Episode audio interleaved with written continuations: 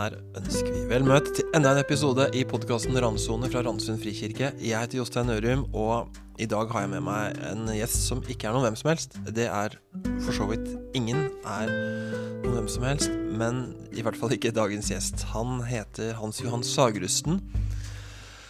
Han er For det første er han en spennende person. For det andre så er han en uh, sprenglærd person. Han, vi, vi, driver jo i år og snakker om Det gamle testamentet, og dette er en person, mine damer og herrer, som har vært med på å oversette Bibelen til uh, Altså den Bibel, Bibelselskapets uh, utgave som kom i 2011, og ikke nok med det, han leda prosjektet med å oversette Forkynnerens bok. Så jeg gleder meg til å prate med Hans Johan Sagerusten om livet og om Bibelen, rett og slett. Hvordan man jobber med Bibelen, og hvordan det har blitt som det har blitt. Heng med. Du, Da er det en glede for oss her i Randsoner å si hei og velkommen til Hans Johan Sagrusten. Takk for det. Jo, du, så, så fint å kunne snakke med deg om om Bibelen, som vi er glad i, og som du er glad i, vet jeg. Mm. Ja. Men du også, det er ikke Det er tre år siden så var du på besøk i Randsund frikirke. Stemmer ikke det? Ja, jeg, jeg sjekka litt attende i kalenderen, og da var det i mars 2019 at jeg var der og hadde et tema som heter rik, rik bibelbruk. da. Rik bibelbruk, det er tittelen på det du snakka om her for tre år siden, men det er altså en bok du har skrevet.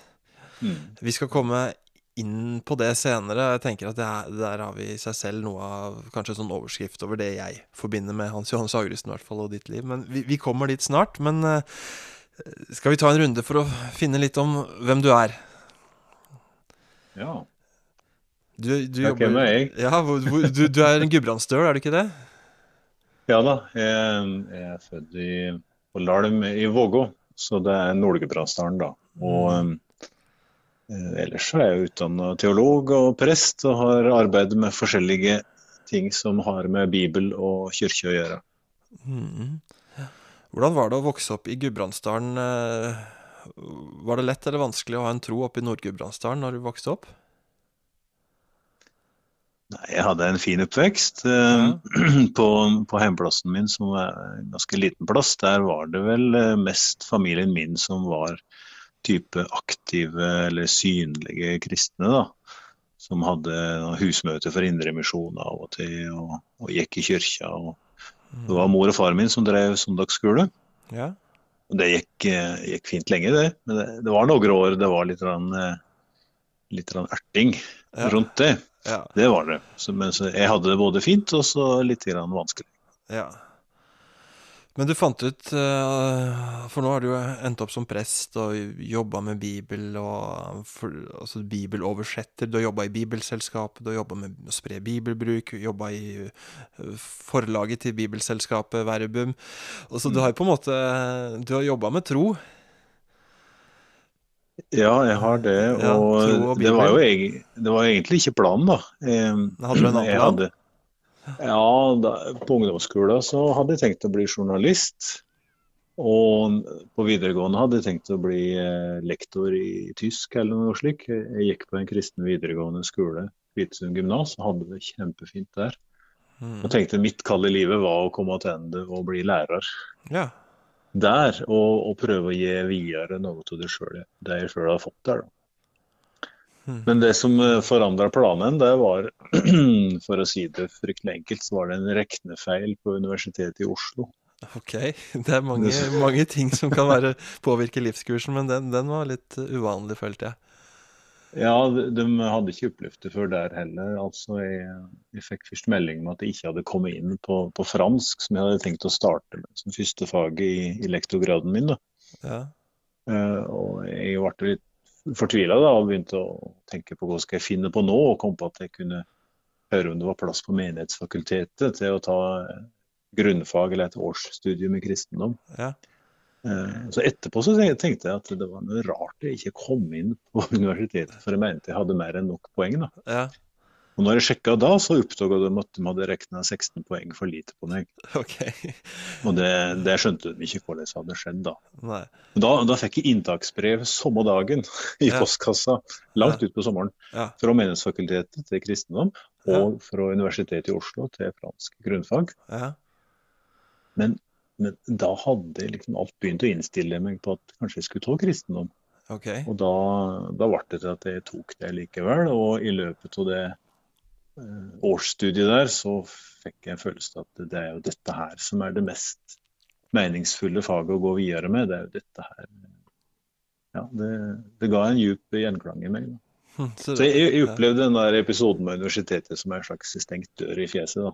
ja, som nå, som nå gir mening, på en måte, sett i ettertid? Ja, jeg ville jo aldri kunne bevise at det, var, at det var Gud som distraherte den som satt og gjorde denne utrekningen akkurat da. Eh, Men eh, for meg så kjennes det meningsfullt og at hva er han bak det. Rett og slett en sånn akademisk, eh, byråkratisk eh, regnefeil som ga en ny livskurs. Ja. Så, men, men så fant du Du omstilte deg og fant ut at dette er, eh, dette er en vei å gå. Ja, det kom nokså fort, da. Ja. At, eh, at eh, jeg følte kanskje min måte å tenke og føle og arbeide på passa fryktelig godt med teologien. da. Mm. Det var en uh, historie og, og språk. Det var flere av mine sterke sider som jeg fikk brukt der. Da. Og dette her med å se sammenheng Mm. mellom tekster, mellom tider.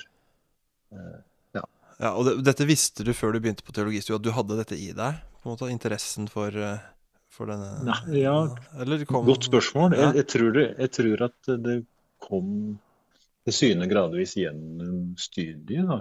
Mer hvem jeg var her. At det er interesse og Ja. gåve jeg hadde. Mm.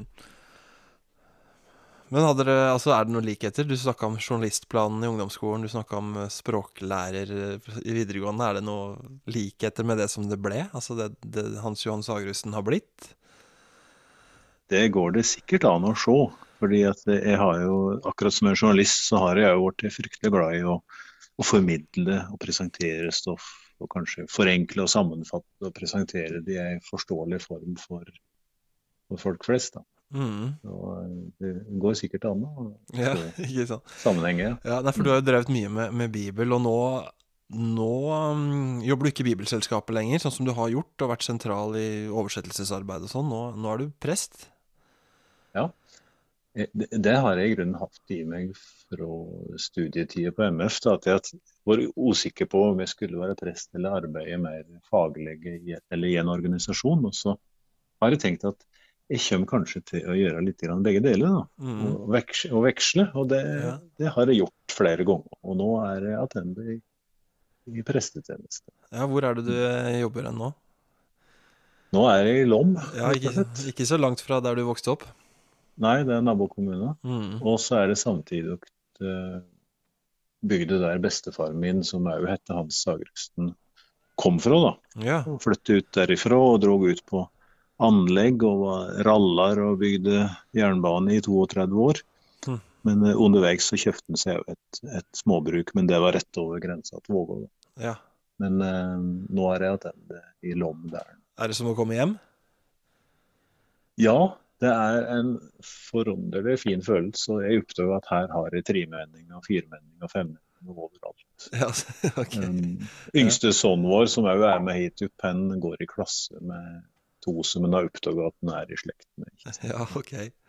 Så det, ja, det er fint. Følelsen av å høre til, kanskje?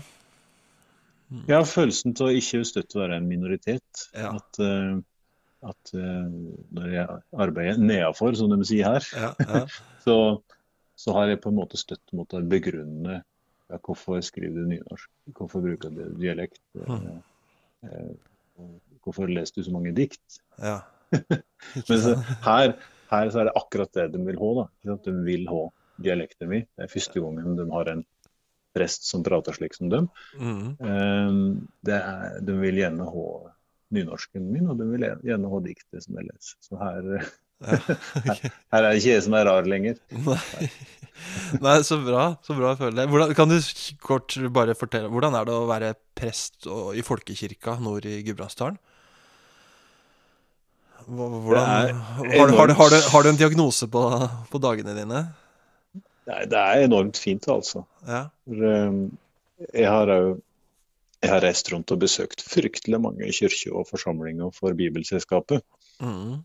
Og, men de jeg samler da, som jeg f.eks. gjorde i Randesund frikirke, er jo mest folk som alt, alt er interessert i Bibelen og i kristen tro, Mm. og vil lære mer. Ja. Det er dem som kommer på den type samlinger som jeg har.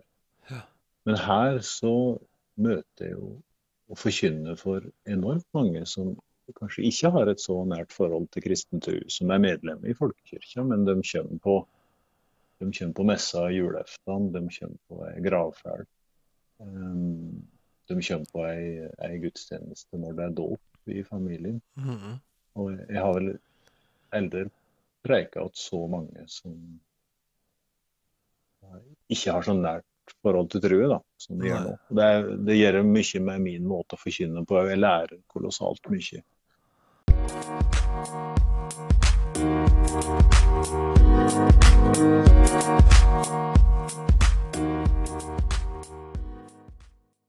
Det, altså for meg så, så var eh, Så har Bibelen òg vært en, en måte å møte andre folk på. Jeg har, for Bibelselskapet så har jeg hatt det privilegiet å være på mange reiser og besøke kirka og bibelarbeidet i andre land. Og skrive reportasje om det i Norge. Og et av de landene jeg har besøkt flest ganger, er- det er jo Kina, der jeg har vært på tre reiser. Mm. Og det jeg opplevde der, det inspirerte meg til å skrive om rik bibelbruk. Altså, rik er jo en forkorting. R-en står for regelmessig, I-en står for i fellesskap, og K-en står for kontinuerlig. Ja. Det er tre stikkord som jeg liksom følte beskrev hvordan de kristne i Kina leser Bibelen. Jeg har møtt de andre landene òg, f.eks. Egypt og Cuba. Men det at de eh, Jeg så de, de møttes jevnlig, de las Bibelen sammen. Ja. De las høyt for en Mhm. annen, og de, de las lange avsnitt. De las hele kapittel, hele bøker. Mm. Og her følte jeg at eh, jeg hadde en slags moralsk forpliktelse altså, til at Ja. eh, dette må jeg formidle i Norge. Så vi har, noe, er- vi har et eller annet vi kan hente der ute i, i den store kirken i verden om om å lese Bibelen. Ja, absolutt. Mhm. Og og det har jo tradisjonelt vært slik at det har vært nordmenn som er eksperter på kristendom, og som Ja. blir misjonærer og reiser ut for å lære andre hvordan en skal gjøre det. Ja. Men nå er det også kommet dit at uh, ting begynner å komme tilbake til oss. At, ja. at det også er mye å lære av kristne i Kina og andre land. Så Så, Rik bibelbruk skrev seg nesten sjøl, altså. Okay, og det var et, et, et, et stoff og et perspektiv som var en slags brann for meg. At jeg, jeg følte dette må jeg komme ut med. ja, for da er, hvis vi tar de tre bokstavene, er regelmessig, var det du sa? Ja. Altså sånn fasthet, da, at man eh,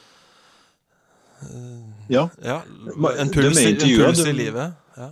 De er intervjua, de, flere dem møttes daglig, altså hver ettermiddag eller hver kveld. Så var det en gruppe som kom sammen og las Bibelen høyt sammen i en halvtime, en time. Hm. Andre hadde tre-fire ganger i uken, men det var svært ofte altså at de, Mm. at de møttes. Også i fellesskap. eh, Det er jo litt Mm. Vi er jo en nokså individuell tradisjon vi står i. Eh, altså, snakker om lønnkammer og det vi gjør bak den låste døra vår. eh, Det forholdet til Gud vi har der. Men så Altså for, for, dem, for dem som får individuell, altså det å lese Bibelen alene, får det til å fungere, så er det kjempefint. Og Mm. det er det, på mange måter det beste. Men, Mm. men det er så mange som Fordi oss støtt leser Bibelen alene, så, så støter de på problemer. Konsentrasjonen glipper, og så sier det bling i telefonen, og så kommer du ut av Mm. det Ja, eh, og blir ukonsentrerte. da. ja. Fordi oss leser alene. Hvis du sitter sammen med andre og lytter, så, så er det en helt annen konsentrasjon og ro over det. Da vet du jeg skal ikke gjøre noe annet denne Mm. halvtimen enn å høre på denne lesingen her. Nei. Og så en K-en til slutt kontinuerlig. Eh, altså Er det snakk om sånn å lese fra Ikke bare sånn hoppe hit og dit med mannakoren og sånn, men det er også å ha en fra A til Å, nærmest? Ja. Det er en type lesing som gir oversikt. Altså at du, mm. du lærer Å ja, det den, den, står like etter den teksten, ja. ikke sant? Og Jesus og, og den rike unge mannen kom like etter det, ja. Du, du får en del aha-opplevelser. Og eh, en kinesisk pastor sa til meg at dere kristne i Vesten dere leser jo Bibelen slik ei høne plukker korn, sa han. Og så viste han med hånda med, med, pekefingeren og tommelfingeren hvordan en høne napper litt her og litt der på bakken. Ja, så kanskje vi bygger en teologi ut fra det også, det vi finner på den måten? Ja, Summe preker på den måten at en tar utgangspunkt i ett vers og ja. legger ut det i lange tider, mens en uh, kanskje går glipp av sammenhengen som verset står i. Ja.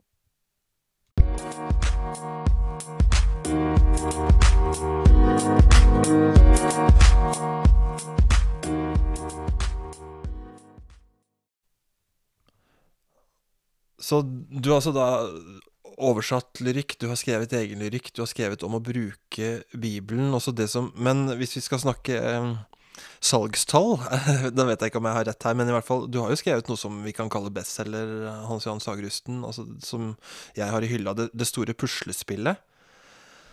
Én ja. og to, den vet jeg har funnet mange veier. Og hva er det for noe som du har jobba med der? Ja, det er jo en drøm jeg hadde hatt i mange år om å å klare å skrive på en måte som folk flest ville synes var interessant og lett å lese. Historier om hvor, hvordan Bibelen ble til, eller hvor, hvor gamle de manuskriptene vi har i dag er. da.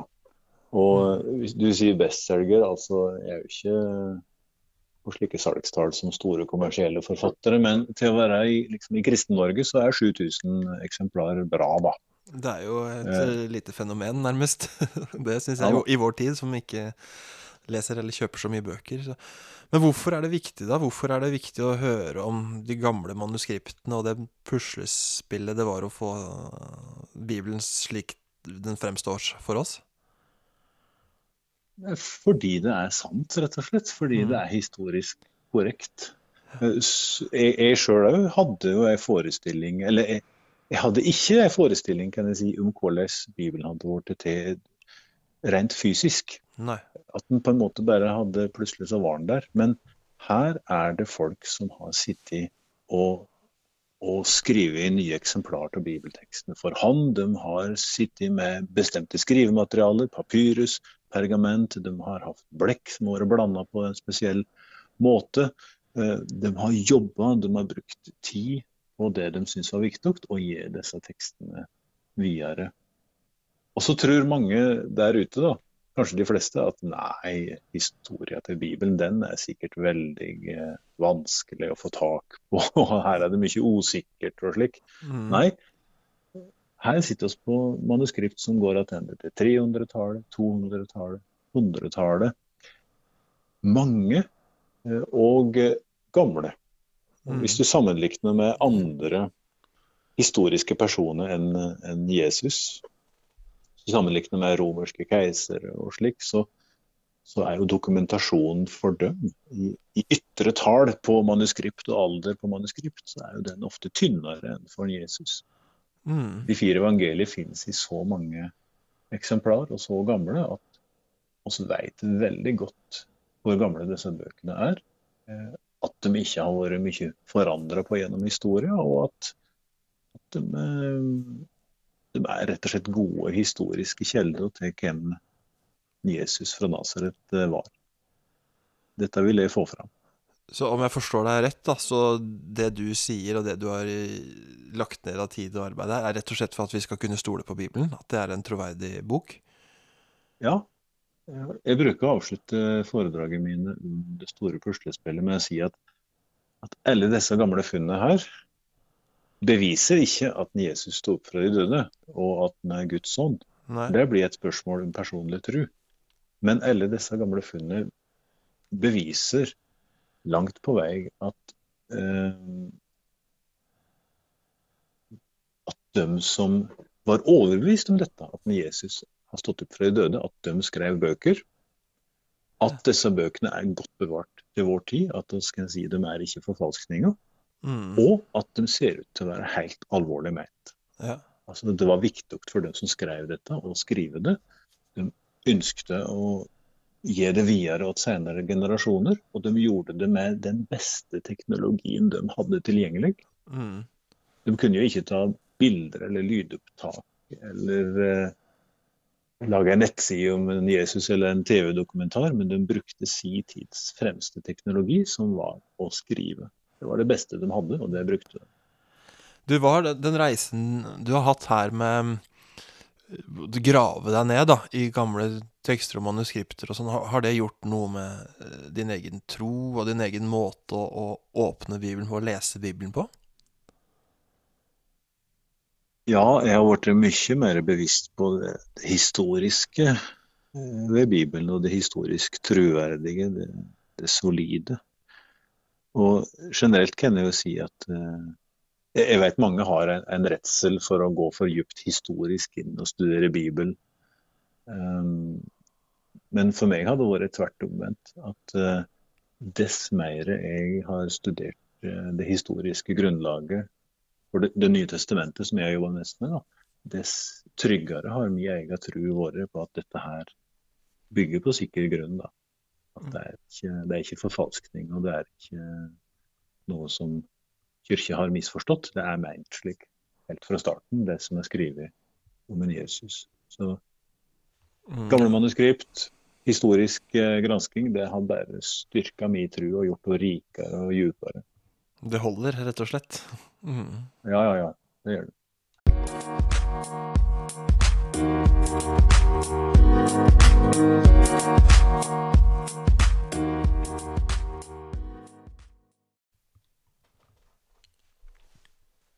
Og så kom du inn i noe av det mest fantastiske jeg kan tenke meg, Hans Johan, og det er oversettelser av Bibelen. Altså, hvordan Mhm. havna du oppi det til å bli Altså, hvordan ble du en sentral aktør i når vi skulle få en ny bibel i, i, for ti år siden i Norge, fra Bibelselskapet? Ja, da må jeg takke en eh, daværende professor på Menighetsfakultetet. Vi hadde jo mange kjempegode lærere da jeg studerte. Og en som ble eh, veileder da jeg skulle skrive spesialavhandling og skulle skrive en stor oppgave i løpet av studiet.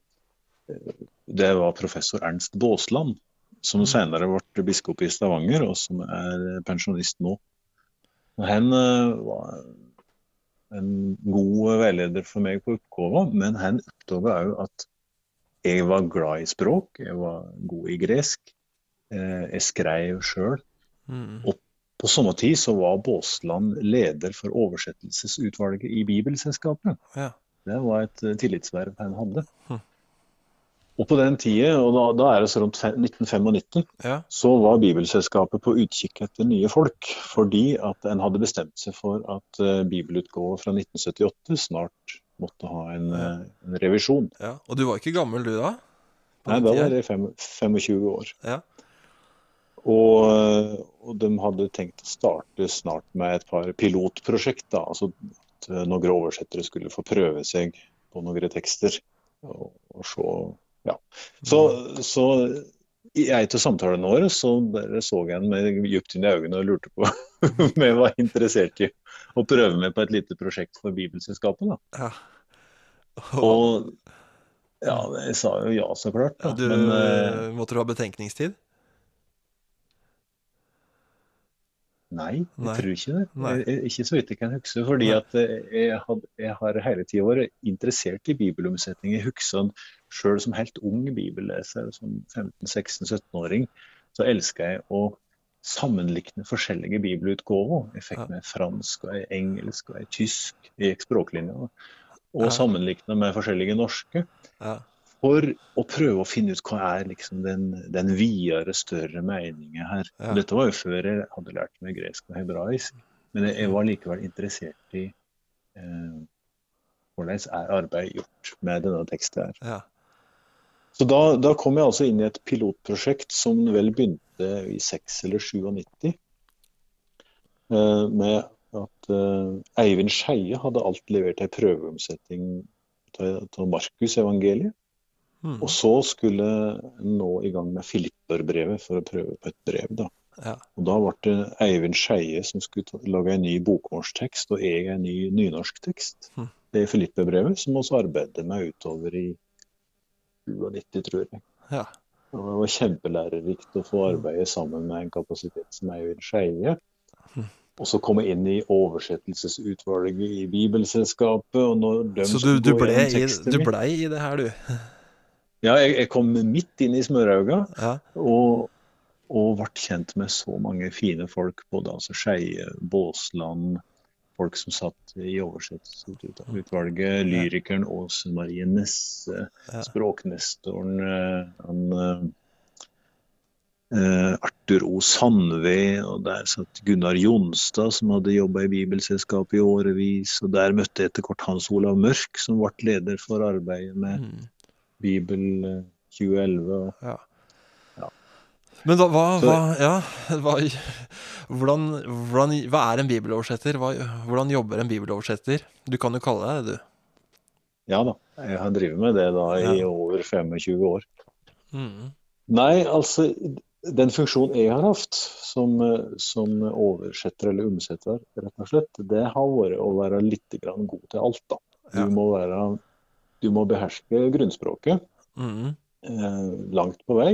Eh, samtidig har du med deg en ekspert på det språket som du kan rådføre deg med, ja. som er konsulent. Du må være nokså god i norsk språk og kunne skrive godt. Mm. Samtidig så har du òg med deg en stilist eller en norsk ekspert. altså Sylfest Lomheim mm. var med i arbeidet. Astrid Ramsfjell, det kom inn skjønnlitterære forfattere. Jeg fikk privilegiet å jobbe sammen med Inger Elisabeth Hansen, f.eks. Mm. Lyrikeren på og forkynneren i Gamle testamentet. Um, Jon Fosse var inne, Edvard Hoem, Pål Helge Haugen, Karl Ove Knausgård, Hanne Ørstavik. Som A-laget, ja, rett og slett? Mm. Ja. Så altså, Den som er oversetter, må være litt god til alt, mm. men den har også med seg folk som er eksperter på sitt felt, til å liksom komplettere teamet. Mm. Så min, min, oppgave var da å levere et førsteutkast og andreutkast. og ja, så ble jeg jo en del uh, involvert i det å være i sluttredaksjon, altså den gruppa som gikk gjennom og prøvde å samle alle trådene til slutt. Men hvordan, altså du, Er ikke det litt vanskelig å skulle oversette på nytt en tekst som du kan fra før? Altså Du som har vokst opp med Bibelen og var glad i Bibelen og studerte, og så skal du komme og gjøre den kjente teksten ny? Ja, det, du, jeg hadde jo voldsom ærefrykt for det, da. Det hadde jeg. Nå var oppdraget, oppdraget fra først eh, med Nytestamentet det var å gjøre en revisjon, så det skulle ikke være en ny omsetning. Men etter kort så forandra oppdraget seg, og, og Bibelselskapet bestemte at dette må bli en ny omsetning likevel. Så Gamletestamentet, som som en tok etterpå, det er i mye større grad en helt ny omsetning. Mens mm. Nytestamentet er mer en revisjon til 78. Mm. Men eh, jo, det er, eh, det er, en rar følelse. Og jeg er jo helt ødelagt som bibelleser etterpå, så klart. Ja, det er vanskelig, at, vanskelig å komme med friske øyne på det. Ja, altså hvis jeg åpner Bibel 2011, ja. så støter jeg jo på mine egne formuleringer uh, overalt. Ja. du kan si det ville være mer irriterende at det kommer til vers der jeg husker at nei, der var det ikke mitt forslag som gikk gjennom, der tapte jeg avstemningen. Men det er faktisk et større problem å komme til vers der jeg finner en formulering som jeg satt og jobba med lenge og skrudde sammen på nytt på norsk. Um, for ja, det er, det er Guds ord, men samtidig så blir det litt mine ord òg. Og da, blir, da, er det bedre å, lese på gresk, rett og slett. Så jeg gjør mest, jeg gjør mest det. Oi, vi er der, ja. Men du, hvordan eh, For å tilgi meg for å være litt naiv her, men hvor lang tid tar det å oversette et vers? Jeg skjønner at det er et apparat. Det er første utkast, andre utkast, og tredje og sikkert 20. og 21. og 22. utkast og sånn, men, men, altså, hvordan oversetter man Nei, det? Altså, Jeg, jeg vet jo med mange bibelomsettere som er mye raskere enn meg. Mm. Eh, som har vært fantastisk effektive arbeidssomme. Jeg var ikke den raskeste. På en, på en god dag så kanskje kunne få lage førsteutkast til 10-12 vers. Ja, Eh, Men det kommer veldig an på teksten. da. selvfølgelig. Eh, Hvis du har en- en sammenheng du arbeider med, eh, et, et avsnitt som hører veldig nøye sammen, da, Mm. så, så jobber du med det. Kommer an på hvor langt det er. Ja.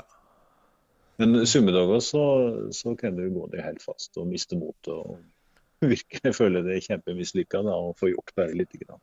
Mm. Andre dager så føler du deg som verdensmester. Helt til du møter de andre i gruppa og finner ut at de har sett, sett andre ting som er viktig òg. Mm. En, en lærer fryktelig mye til å være i gruppe og, og se at eh, det endelige tekstutkastet, det er ikke mitt. Det er ikke en av konsulentene sitt. Men det er et slags uh, fjorde-femte utkast som stiger opp av ruinene. Ja. Mm. Litt det samme som du snakka om rik bibelbruk i, i, bibelbruk i-en der, altså i fellesskap. Det er ikke bare at man leser i fellesskap, men man oversetter i fellesskap. Nei, det er godt, godt sett. Det er akkurat det samme det dreier seg om. Du, for det her i Randesund frikirke som eh, Så har vi Vi snakker om Bibelen i år, og neste år. Gamle testamentet og Nytestamentet. Vi har ganske stor ambisjon for å komme gjennom eh, det meste. Altså det, det vesentligste med å ta en bok av gangen, som du sa. Altså lese kontinuerlig, lese i sammenheng. Eh, gapstort. Eh, og, og gå gjennom liksom de store se, se de store linjene og det store bildet. Og så håper jeg at vi finner noen små sammenhenger og noen små bilder og noen små gullkorn underveis. Mm. Uh, og så er det én og én bok av gangen. Og nå om så skal vi straks skifte gir på å dykke ned i én av Bibelens bøker, Hans Johannes Sagerusten.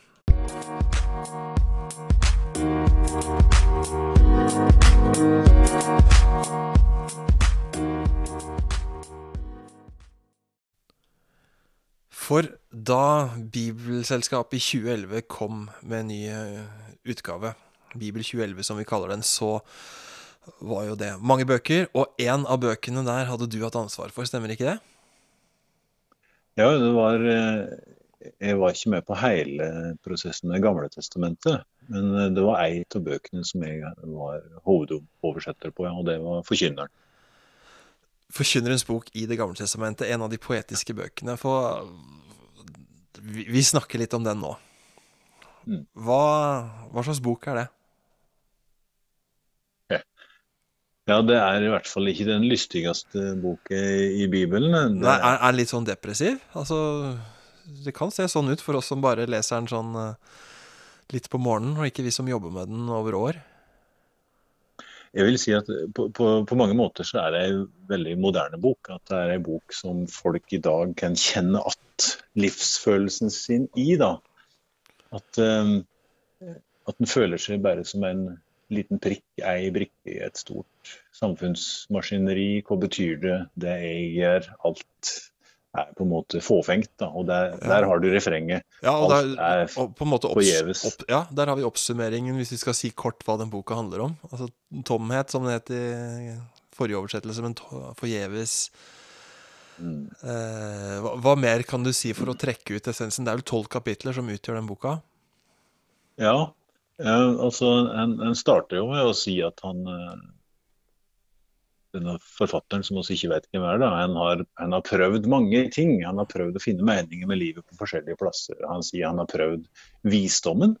Jeg la meg på hjertet og lære hva som er visdom. Men nei, det var fåfengt. Eh, Så prøver han glede og nyte det som er godt, ikke sant, og omgir seg med luksus og greier.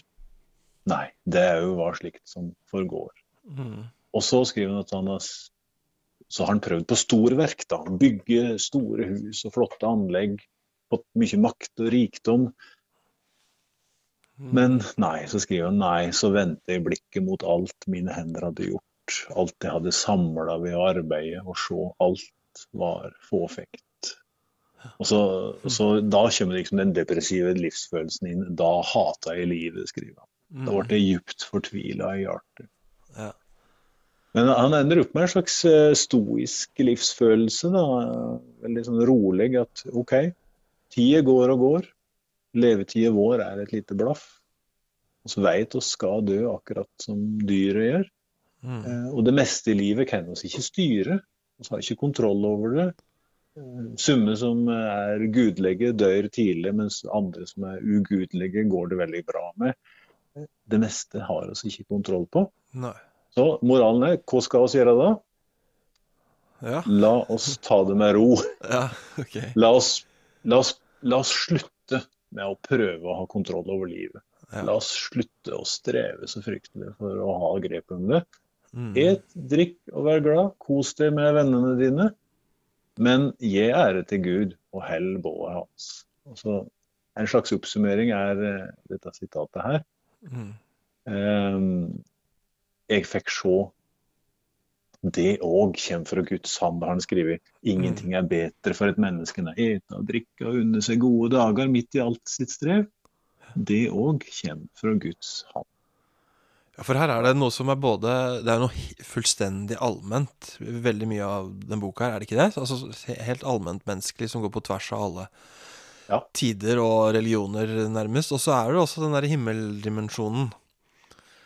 Det er det. For det det er ikke mye Gud i Forkynnerens bok, men det er litt Du ga oss et bitte lite drypp der. Ja, det er Jeg tror det er voldsomt mye her som folk i det moderne samfunnet vil kjenne att til selve livsfølelsen. da. Og så samtidig dette med at men Gud, men Gud er med hele veien. Ellers så er jeg fullt av gode sitat her, da. Ja. Eh, Her har du f.eks. ordtaket altså, 'Den som grev ei, grev, grev ei grav for andre, kan sjøl falle ned i'. Mm, Det er for å forkynne. ja. Um, og så er det 'Gled deg, du ungdom i livsens vår'. Det er jo typisk sånn 50-tallssang, er det ikke det? Jo, men det er veldig fint. Det er veldig fint. Der er det. Ja. Og det som prester sier når en kaster jord på ei kiste ved en begravelse, det er jo fra forkynneren. Av støv er vi komne, til støv skal vi bli på nytt. Og så legger en til det nytestamentlige perspektivet. Av jorda skal du atter stå opp. Da. ja. Også et av de som eh, avsnittet som er lest i flest begravelser, vil jeg tro. I hvert fall i de jeg har vært i og forrettet Mm. selv. Men alt har sin tid. Ja, det, i kapittel tre, det var nok kanskje det som jeg sjøl arbeidet eller mest med. Og, og pussa og slipa på for å få til å bli bra. Det er dette avsnittet, kapittel tre, med at eh, det er ei tid for alt. Og det er jo, er jo en slags allmenn tekst som, som folk kjenner og bruker. Det er ei tid for alt, sier de. Ja. Mm, ja, det er gått rett inn i dagligtale. Og det, her er vi jo på en måte, hvis vi skal sette opp alle tiders eh, litterære høydepunkt, så kunne dette aspirert til å få plass i, mellom permene der. Kapittel tre i Forkynneren. ja, det er så, det er så sterkt skrevet. Mm, Og Summetinget der måtte nyformuleres litt grann i vår tid. ja. Eh, Så jobba veldig mye. Hva da, for eksempel? Altså, hva er nødvendig å nyformulere? Nei, det er, det er altså, for, for folk flest så er det småting. Men Ja. det kan være ting som jeg jobba med i timevis. Mm, ja, ja. En formulering som eh, ei tid for å kaste stein, ei tid for å samle stein. Ei Mm, tid for å ta i favn, ei tid for å la favntak være. Altså klare å forme disse setningene der slik at de blir enda bedre på norsk. da. at de flyter. Ja. Ja, men jeg, nå må jeg jo forte meg å legge til. Jeg hadde altså privilegiet å jobbe sammen med to fantastiske fagfolk her. Det ene var da Torleif Elgevin, hebraisk ekspert og Ja. dødehavsrullende ekspert, Ja. professor på NLA.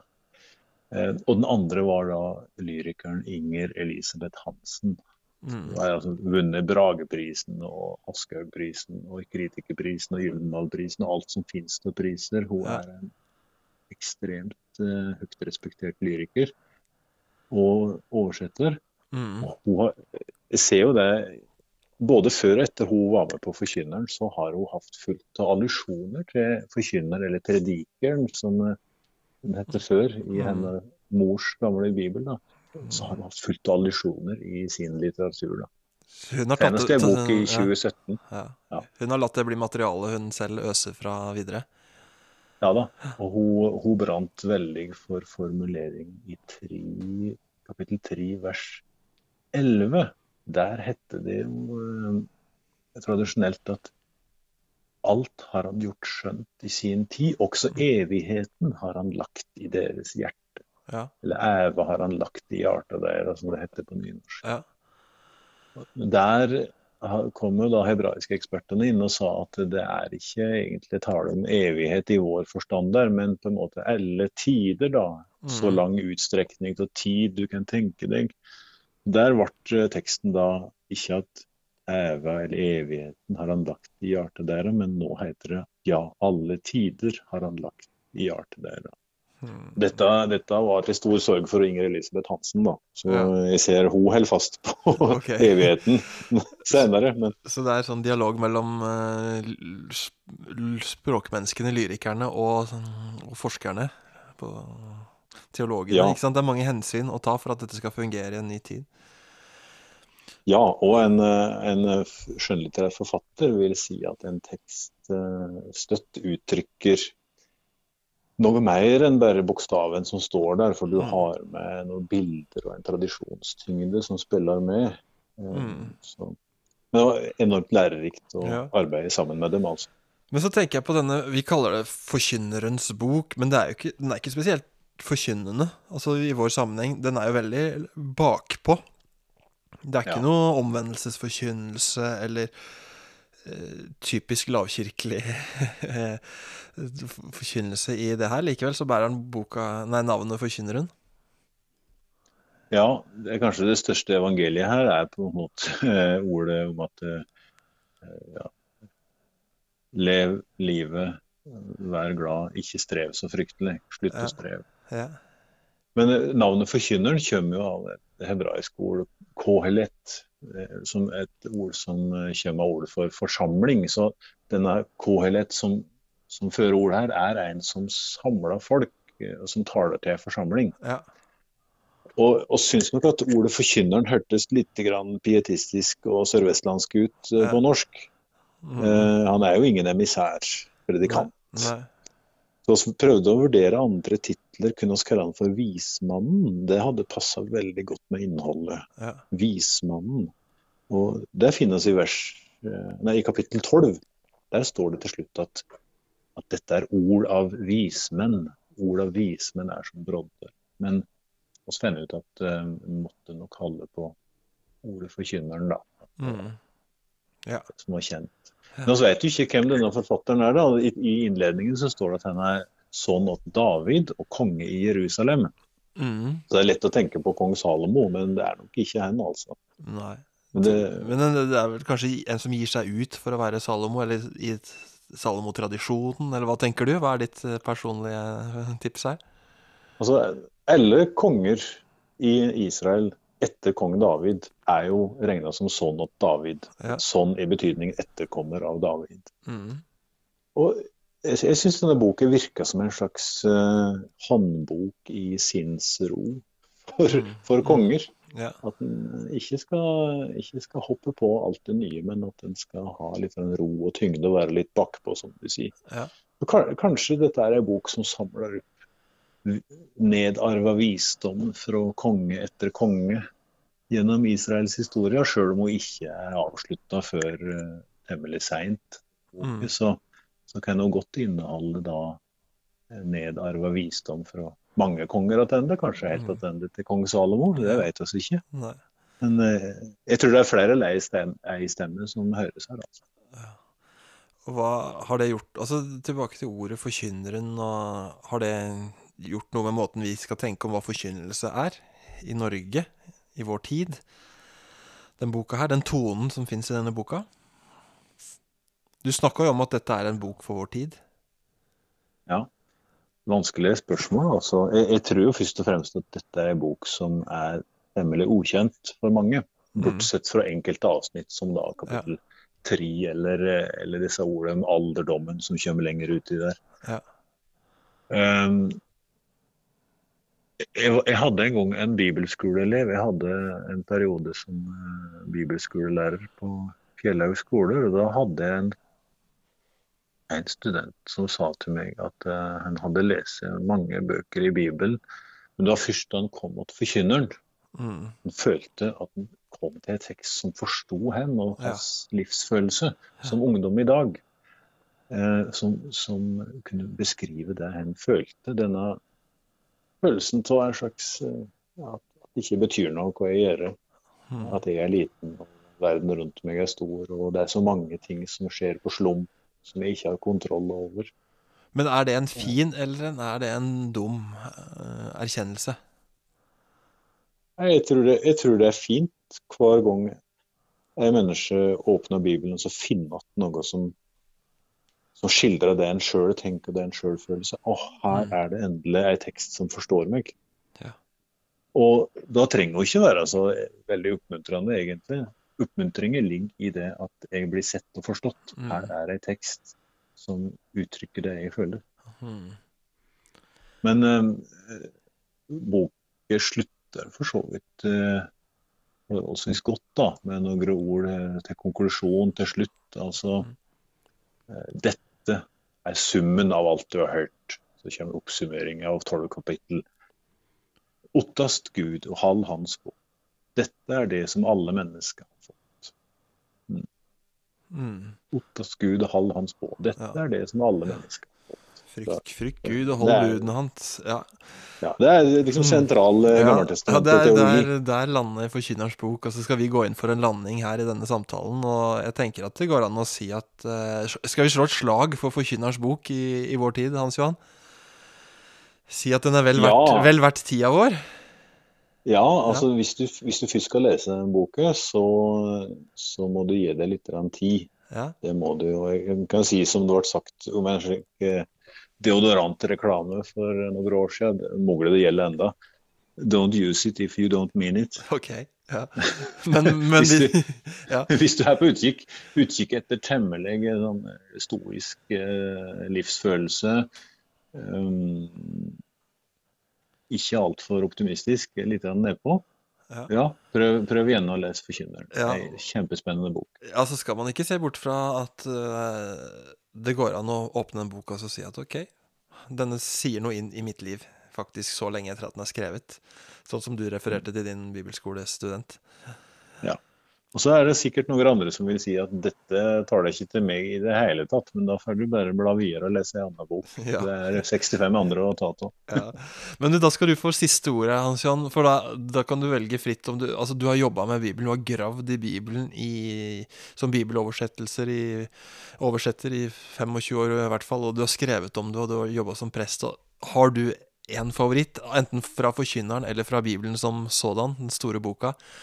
Et eller annet som du vil ta fram som ditt favorittsted? Ditt favorittord? Ja, da er det mye å velge blant. Altså, de, siste, de siste året har jeg lest kolossalt mye Johannes' åpenbaring. Jeg driver og jobber med en bok om åpenbaringen som kommer ut i år. Okay. Eh, men jeg tror likevel jeg skal velge noe fra evangeliet. Og det, den sterkeste teksten for meg er når eh, Jesus blir døpt. Hm. Eh, himmelen, altså Han stiger opp til vannet, himmelen åpner seg, og så åpner Gud seg som far, sønn og heilag ande. Og, du, og du, det syner seg at Gud er en kjærlighetsrelasjon. Hm. Da kommer det en stemme fra det høye, fra Gud, vår far, som sier du sønnen min som jeg elsker.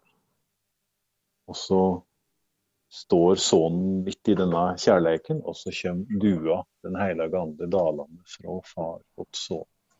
Med et slags bånd mellom dem to. Og Det er ei, ei åpenbaring av Guds vesen, som er relasjon, som er kjærleik, som er enormt sterk. For det å bli en kristen, det er å få stå ved sida av Jesus akkurat der og da. Da blir jeg òg regna som et Guds barn. Og så, og så gjelder stemma meg òg. Du er mitt barn som jeg elsker.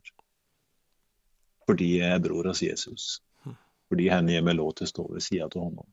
Det, dette er mitt gudsbilde, og denne teksten om Jesu dåp, Markus 1, 9-11, det er eh, kjæreste tekstet for meg, hvis jeg tenker liksom ja, det... over langs, over mange år. Ja.